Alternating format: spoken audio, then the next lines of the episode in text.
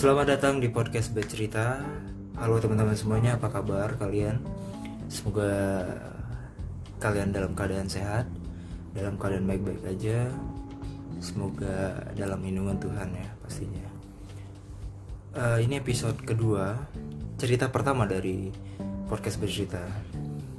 Kali ini uh, ada satu teman, teman seperjuangan, teman karib teman berdinamika dia adalah Bung. Nido. Terima kasih Bung sudah mengundang. Uh, sebenarnya di sini juga kebetulan ya kita ketemu setelah sekian lama. Kira-kira berabad-abad. Udah seperti berabad-abad. Saking saking apa ya saking banyaknya yang sudah terjadi dan hmm. ketika kita ketemu itu terasa kayak kembali lagi ke masa lalu gitu. Kayak berbagai perjuangan berbagai rintangan berbagai semua itu kita terasakan lah. Orang Bung Idol sudah bekerja gitu ya sekarang Bung Idol ya. Nggak jadi nggak jadi organisatoris lagi gitu nggak jadi aktivis ya. Nah sebenarnya kalau di, kalau bicara organisator itu berat bro. berat ya berat bro karena gimana ya organisatoris ini kan berkepanjangan gitu yeah. nggak cukup cuman hanya kita di dunia kampus uh. di me, apa ya mendapatkan gelar organisatoris itu juga emang sebuah tanggung jawab yang uh. cukup luar biasa ya kita harus komit kan gitu dan ya gue sendiri sih gue ngerasa apa ya idealisme itu memang harus pertahankan tapi kadang situasi-situasi tertentu itu kadang kita juga harus pragmatis jadi kayak untuk kita mengimbangkan situasi yang sangat dinamis ini kita itu harus kayak 70% idealis dan 30% pragmatis gitu. Jadi untuk mencapai tujuan kita, kalau misalnya 100% idealis mah kita ya kita abstrak gitu hidupnya, normatif kan. Jadi ya ya Bung juga lah pasti ngerasain betapa realitas itu menghantam begitu kuat. Akhirnya kita harus berpikir realistis dan saatnya kita mencari cuan. Oke oke. Eh, gini bung. Yeah. Gue uh, mengajak Bung Nidol bercerita ini nggak jauh-jauh dari dunia kampus ya. Yeah. Karena kita dipertemukan itu di kampus gitu. Tentu. Uh, dua hari ini bung, uh, gue melihat dan Bung juga melihat lah uh, fenomena baru lah gitu yang terjadi di apa ya di dunia akademisi di dunia perkuliahan yaitu fenomena sidang online bu. Bukan karena kita tahu menarik kan menarik. Karena kita tahu ini adalah sesuatu yang baru gitu di mm-hmm. dunia mm-hmm. di dunia pendidikan gitu. Uh, apa sih bung pandangan bung Nidol mengenai fenomena sidang online ini? Boleh dijelaskan? Uh, iya betul sih kebetulan juga kan kita beberapa hari yang lalu ya, alma mater kita ya sudah melaksanakan sidang online. Ya selayaknya kebanyakan kampus saat ini kan karena dihalang oleh situasi dan kondisi saat ini. Pandemi ini menghantam seluruh sektor kehidupan kita termasuk pendidikan yang paling vital. Dan uh, di situlah jadi apa ya tantangan tersendiri lah buat dunia pendidikan untuk bisa beradaptasi. Uh, tentunya sidang online ini sebuah keniscayaan. Nggak bisa kita paksakan sidang fisik, bertemu langsung sama dosen penguji langsung kita paparkan ide secara real time dan sebagainya gitu. Cuman uh, sangat dimaklumi ya dengan ada sidang online gini uh, terutama dengan adanya kemajuan teknologi. Jadi kita sendiri juga sudah bisa melakukan banyak hal secara virtual gitu. Uh, tapi ya gimana ya meskipun gue pribadi ya dan mungkin lo juga ya uh, kita nggak merasakan yang namanya sidang online. Kita semua uh, generasi sidang fisik ya. Ya gue juga sendiri gimana ya pastinya hype-nya berbeda. Dari hype-nya berbeda terus dari banyak kendala-kendala kayak teknis seperti koneksi dan uh, mungkin ya kurang maksimal sih sebenarnya. Jujur aja kurang maksimal gitu. meskipun gue sangat paham gitu ya orang orang itu pasti akan memaksimalkan upayanya gitu dalam sidang online itu. Uh, ketika memaparkan ide dan ternyata ada kendala teknis itu kan sangat mengganggu banget ya. Sangat mengganggu banget. Kita ke- kebetulan kita dulu nggak merasakan seperti itu. Pandangan Bung tentang kampus saat ini Oke, eh, sebenarnya mungkin jawab pertama dulu yang flashback ya, Iya, flashback kampus. Sebenarnya memang sih kalau misalnya kita bernostalgia sama sesuatu yang menjadi masa lalu itu sangat menarik ya. Tentunya kita juga berusaha untuk mengingat kembali apa yang sudah kita lakukan selama ini dan eh, tentunya kalau misalnya kita masukkan dalam konteks eh, kampus, kampus tercinta, eh, kita kan sama-sama di jurusan hubungan internasional, Hmm. Fakultas eh, Ilmu Sosial dan Politik yang sangat kuat dengan hal-hal yang sifatnya politis ya. Itu eh, menarik sih yang paling pertama yang mungkin langsung kepikiran di eh, gua itu adalah terkait pertemanan sih dalam dunia kampus. Betapa adanya perbedaan yang cukup signifikan dari dunia SMA ke dunia kampus di misalnya di kalau SMA dulu kan kita mikir teman itu semua teman gitu. Kita nggak kita masuknya bareng-bareng lulus bareng-bareng semua itu terstruktur tersistematis gitu dengan baik. Nah sedangkan di dunia kampus ini tuh semua berubah gitu. Kita dipaksa untuk adaptasi dengan lingkungan yang sangat dinamis ya. Kita berteman dengan seseorang eh, tidak hanya berdasarkan apa ya karena kita suka atau misalnya cocok sama orang itu tapi kita punya tujuan-tujuan politis di luar itu ya. Kita berteman kita juga kita sangat sadar ya kita sangat sadar bahwa kita berteman di dunia kampus itu tidak selamanya. Kita juga belum belum tahu kita lulus bareng atau enggak gitu. Semua itu dinamis dan kita nggak bisa memprediksi hal itu gitu. Nah apa yang membuat kita tetap bertahan itu sebagai uh, apa ya uh, pertemanan itu biasanya didasarkan oleh tujuan atau ya sebutan kerennya visi misi yang sama gitu. Ketika kita punya visi misi yang sama dengan kawan kita atau sahabat kita gitu pada akhirnya meskipun kita secara jarak jauh tapi pada akhirnya itu akan dipertemukan gitu dengan jalur yang sama. Nah itu sih yang menurut gue yang perlu ditekankan adalah pertemanan di dunia kampus tuh emang sangat syarat dengan kepentingan-kepentingan gitu baik itu politis yang sifatnya uh, oportunis maupun politis yang sifatnya idealis gitu loh yang kita punya sama-sama kepentingan untuk mungkin merubah sebuah kebijakan apa gitu atau kita terlibat dalam gerakan sosial tertentu gitu. Ya, ikut dalam komunitas-komunitas yang uh, sifatnya itu yang uh, buat masyarakat pada akhirnya. Kan kita kan di dunia kampus kita diperkenalkan dengan konsep tridharma perguruan tinggi ya Uh, itu itu itu sangat ini ya sangat kental dalam dalam dalam memori um, gua gitu terkait kampus ini. Flashback. Nah kalau misalnya bicara tadi yang kampus. ya kampus secara general sebenarnya gimana ya gua gua juga kan ya kita lah ya bareng kita bareng bareng baru bisa dibilang masih fresh graduate lah. Belum genap satu tahun ya mungkin genap satu tahun lah kita juga masih angkatan kerja baru.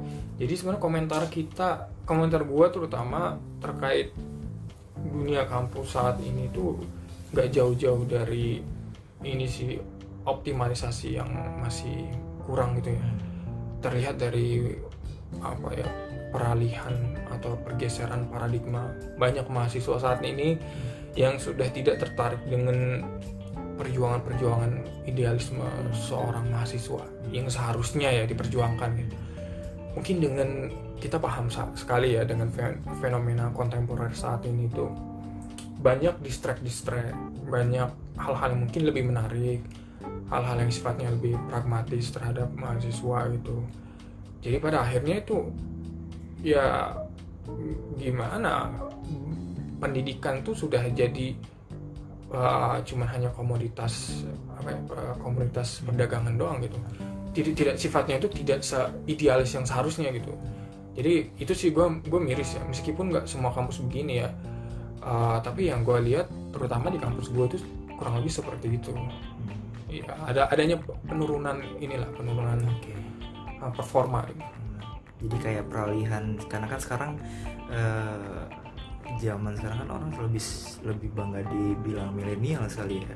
Jadi eh, di kampus pun jiwa-jiwa dan nilai-nilai perjuangannya juga menurut gue juga rada bergeser Iya, gitu. luntur ya. Luntur gitu. Kasarnya. pertama kita dihadapkan dengan kurikulum yang nggak update. Mhm. gitu. Apa ini ini eh, histori kita ya cerita Iya, iya. pengalaman kita yang kita rasakan di kampus kita dulu ketika kita menjadi mahasiswa sebenarnya mahasiswa itu bisa ditempa ya kan? Lingkungan yang menempa semuanya. Karena kita juga yakin ketika kita di kampus ketika itu kita kita menghadapi banyak banyak dinamika gitu. Eh, sayangnya di di era sekarang eh, teman-teman sekarang tuh tidak mau belajar dari terdahulunya gitu. Bagaimana nilai-nilai nilai-nilai eh, pemuda nilai-nilai eh, jiwa-jiwa kemahasiswaan itu tumbuh membara gitu pertama kali yang kita lihat adalah nilai literasi. Di kampus-kampus itu eh, apa ya literasinya kurang bung. Da- sebenarnya di Indonesia secara global ya dari dari tingkat dasar sampai di universitas gitu.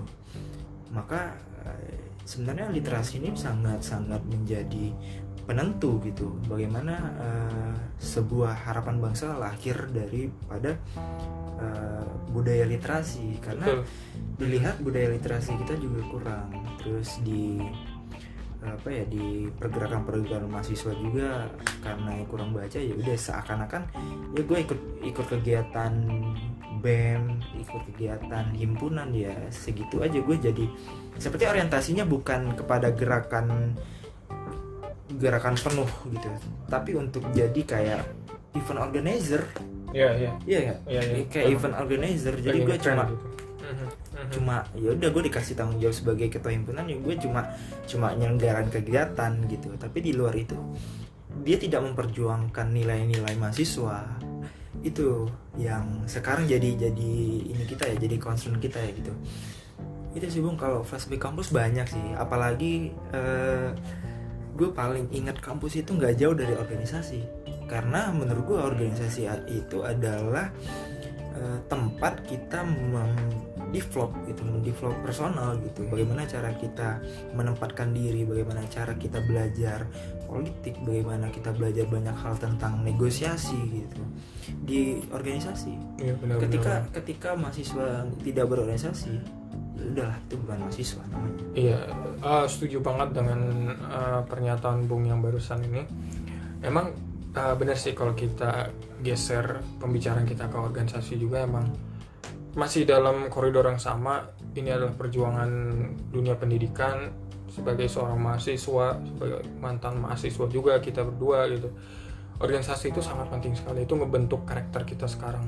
Eh, jadi apa yang kita raih di dunia organisasi dalam kampus itu sangat berperan aktif dalam kita sekarang ini gitu jadi kalau kalau gue flashback juga ya ke belakang kita berdua kan ya bareng-bareng lah dalam organisasi selama tiga tahun ya?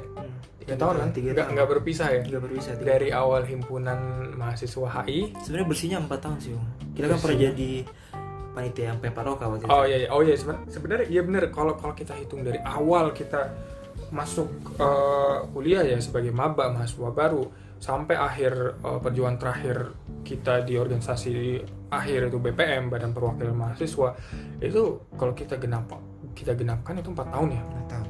Ya itu di situ kita banyak ilmu yang kita dapatkan ya. Banyak sekali. Dari kita mulai uh, manajemen konflik manajemen waktu terus kita berdebat berdialektika melakukan banyak keputusan-keputusan yang rasional gitu.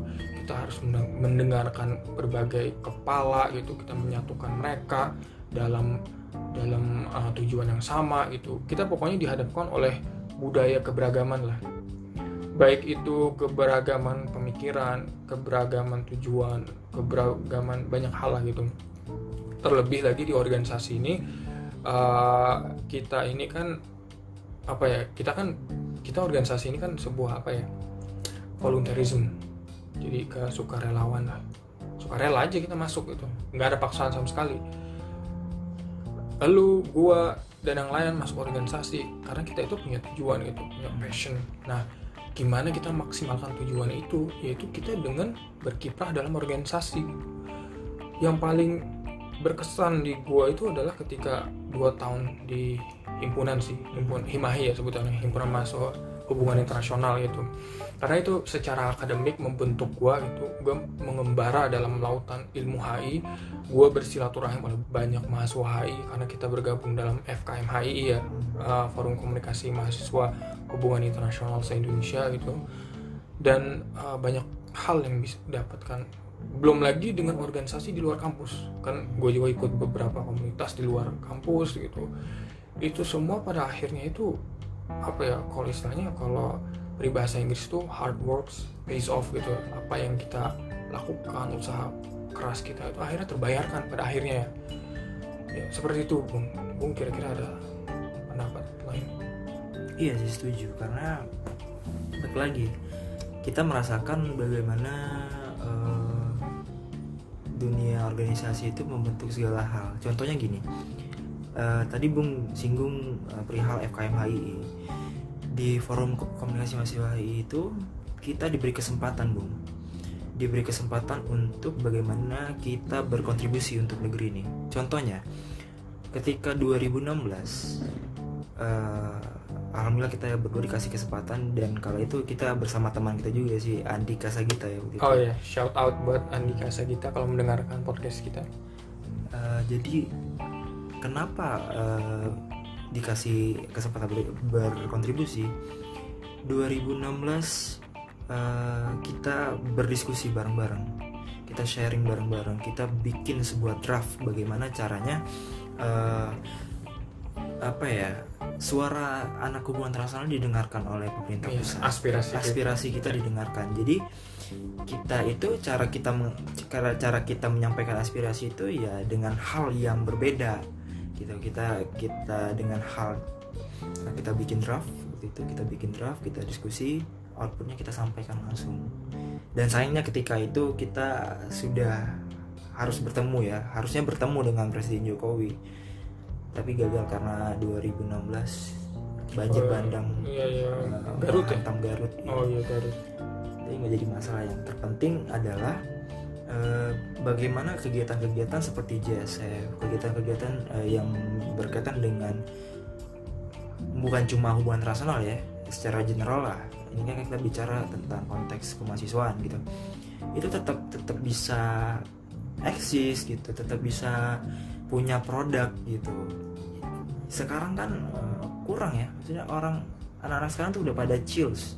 Yeah. Udah pada enak sama maksudnya udah Netflix, iya. udah udah chill lah udah nggak nggak nggak memperjuangkan nilai-nilai ini ini bukan sebuah paksaan ini iya, iya. karena organisasi itu lahir daripada uh, jiwa kita gitu jiwa kita sendiri gitu bagaimana caranya kita ingin berkontribusi lebih karena orang nyangka jadi mahasiswa itu ya karena kan orang-orang dulu kan bilang ah mahasiswa orang-orang awam lah ya bilang tahunya bisa teriak-teriak.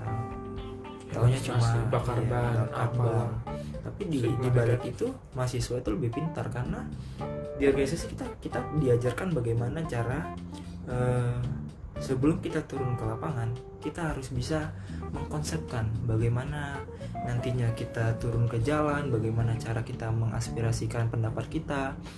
Dan ketika itu 2016 baik lagi kita dikasih uh, dengan metode yang berbeda dan efektif ya menurut gue ya. Dengan cara yang lebih elegan sebagai anak HI karena kan notabene anak HI kan hubungan tra hubungan internasional fancy banget di jurusan yeah. ya kan?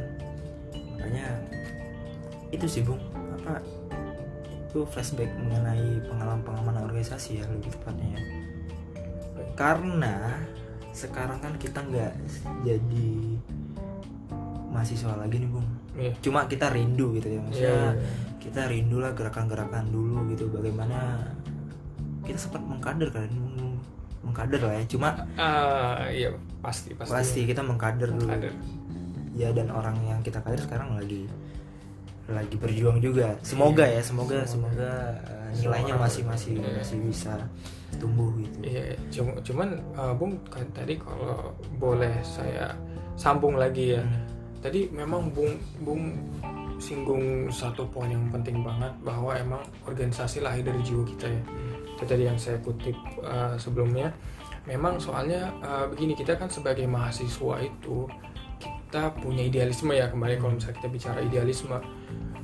Uh, sebagai makhluk sosial idealisme kita itu kan memang harus kita tumbuh kembangkan gitu dalam sebuah wadah yang namanya organisasi.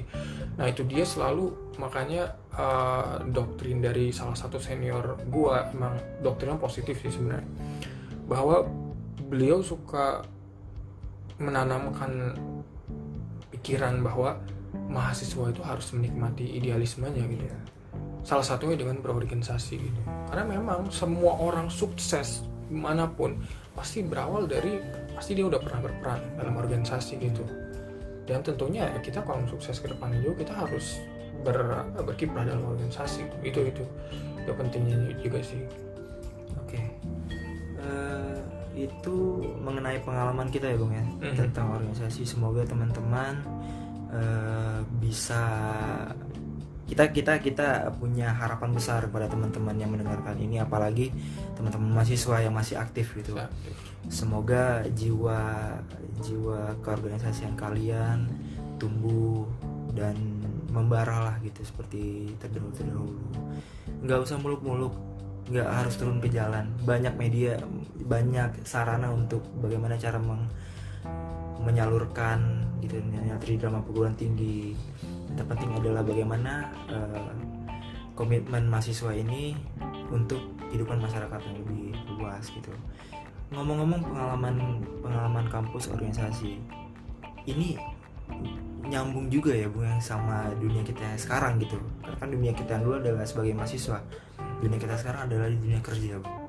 Bagaimana bu ngerasain bagaimana uh, pengalaman organisasi itu penting gak sih? Maksudnya dipakai gak sih di dunia kerja bung?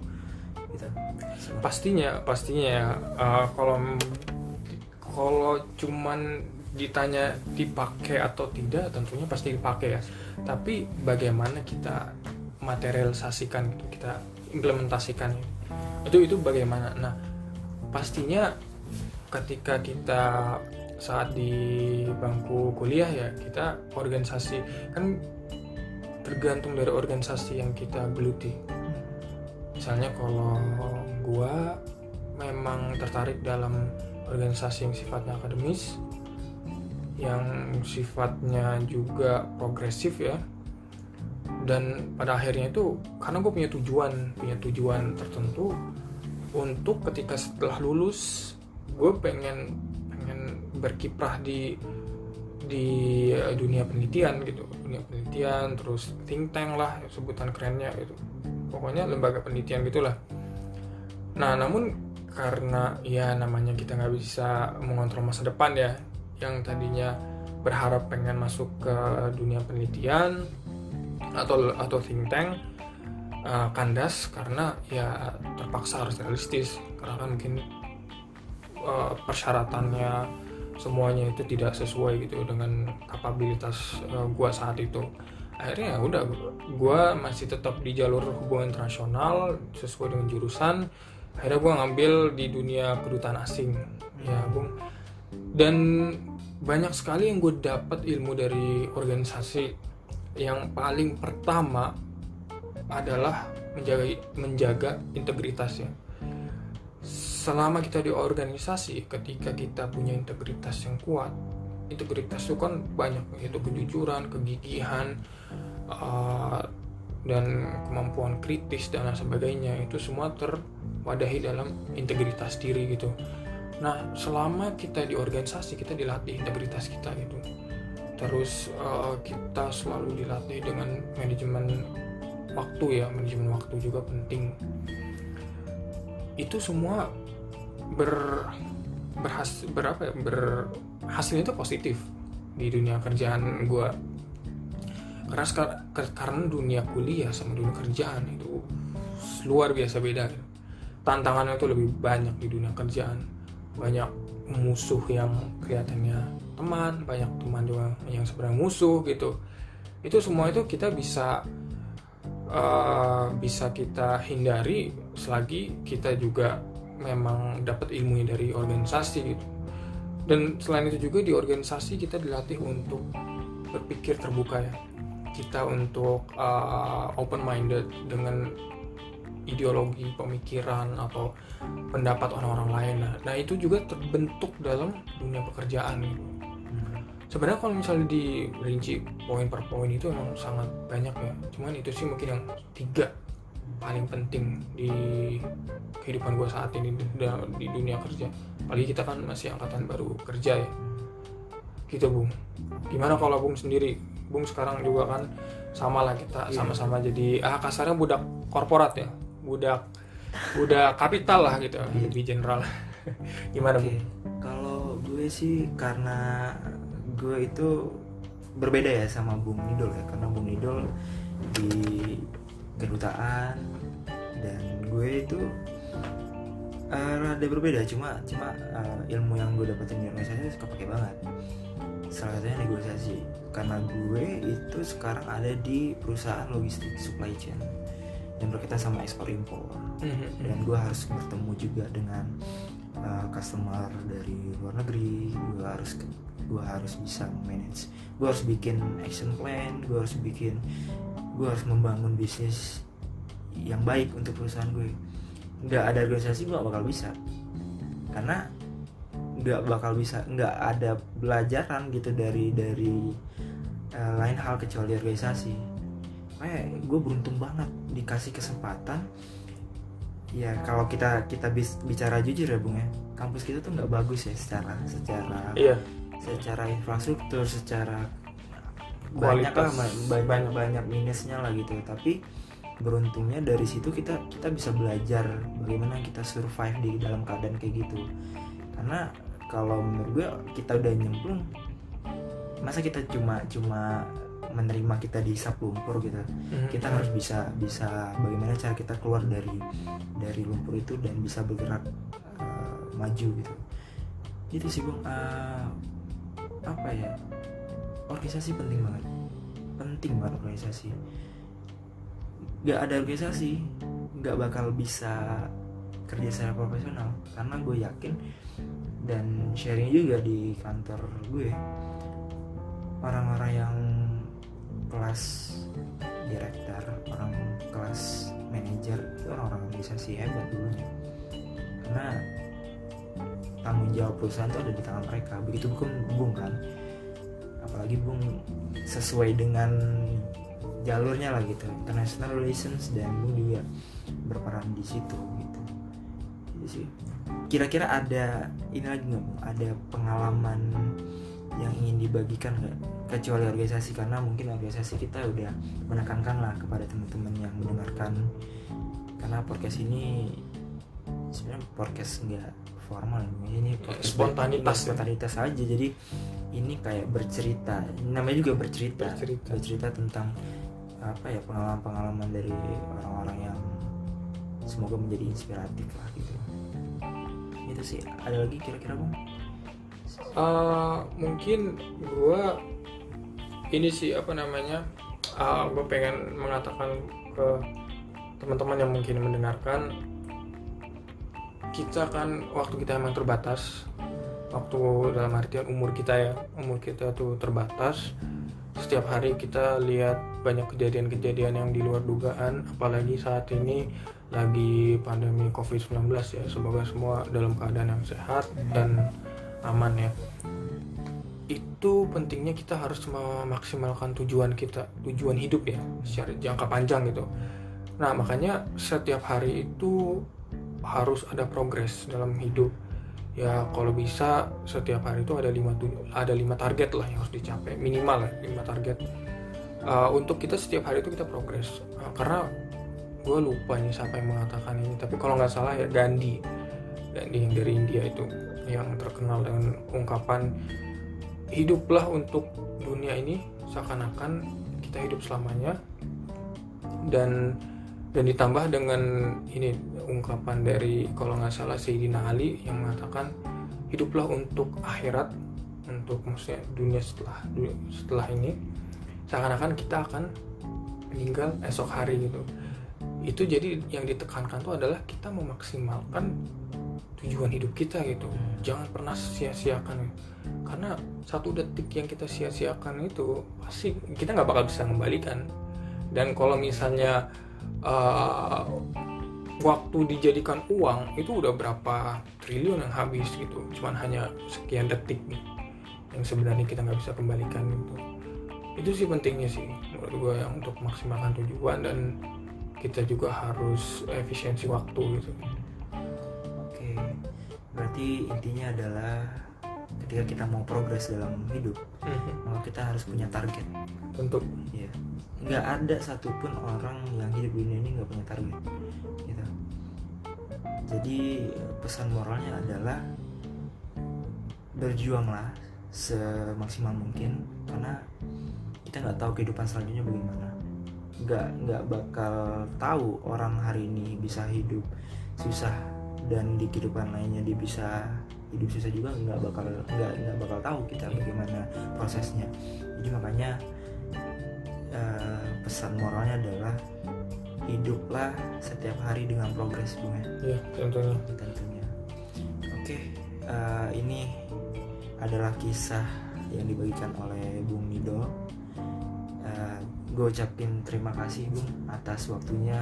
Selama terima kasih kembali Bung kurang lebih 40 menit ya kita yeah sharing-sharing lah kepada teman-teman yang mendengarkan uh, bagaimana fenomena sidang online terus kita membagikan cerita kita ketika kita masih di kampus terus pengalaman organisasi. kita organisasi dan pengalaman kampus dan dunia kerja kita ya semoga teman-teman bisa bisa menerima dengan baik ya podcast ini ya dan semoga senang gitu dengan podcast ini Oke, sampai jumpa di episode selanjutnya mungkin dengan Bung Idol juga nanti dengan topik yang berbeda. Siap. Kita bakal uh, membagikan lagi kisah-kisah yang semoga jadi inspiratif ya teman-teman saya. Akhir kata uh, wabillahi topik hidayah. Wassalamualaikum warahmatullahi wabarakatuh. Sampai jumpa di bercerita episode selanjutnya. Selamat mendengarkan. Mendengarkan. thank you, thank you, thank you.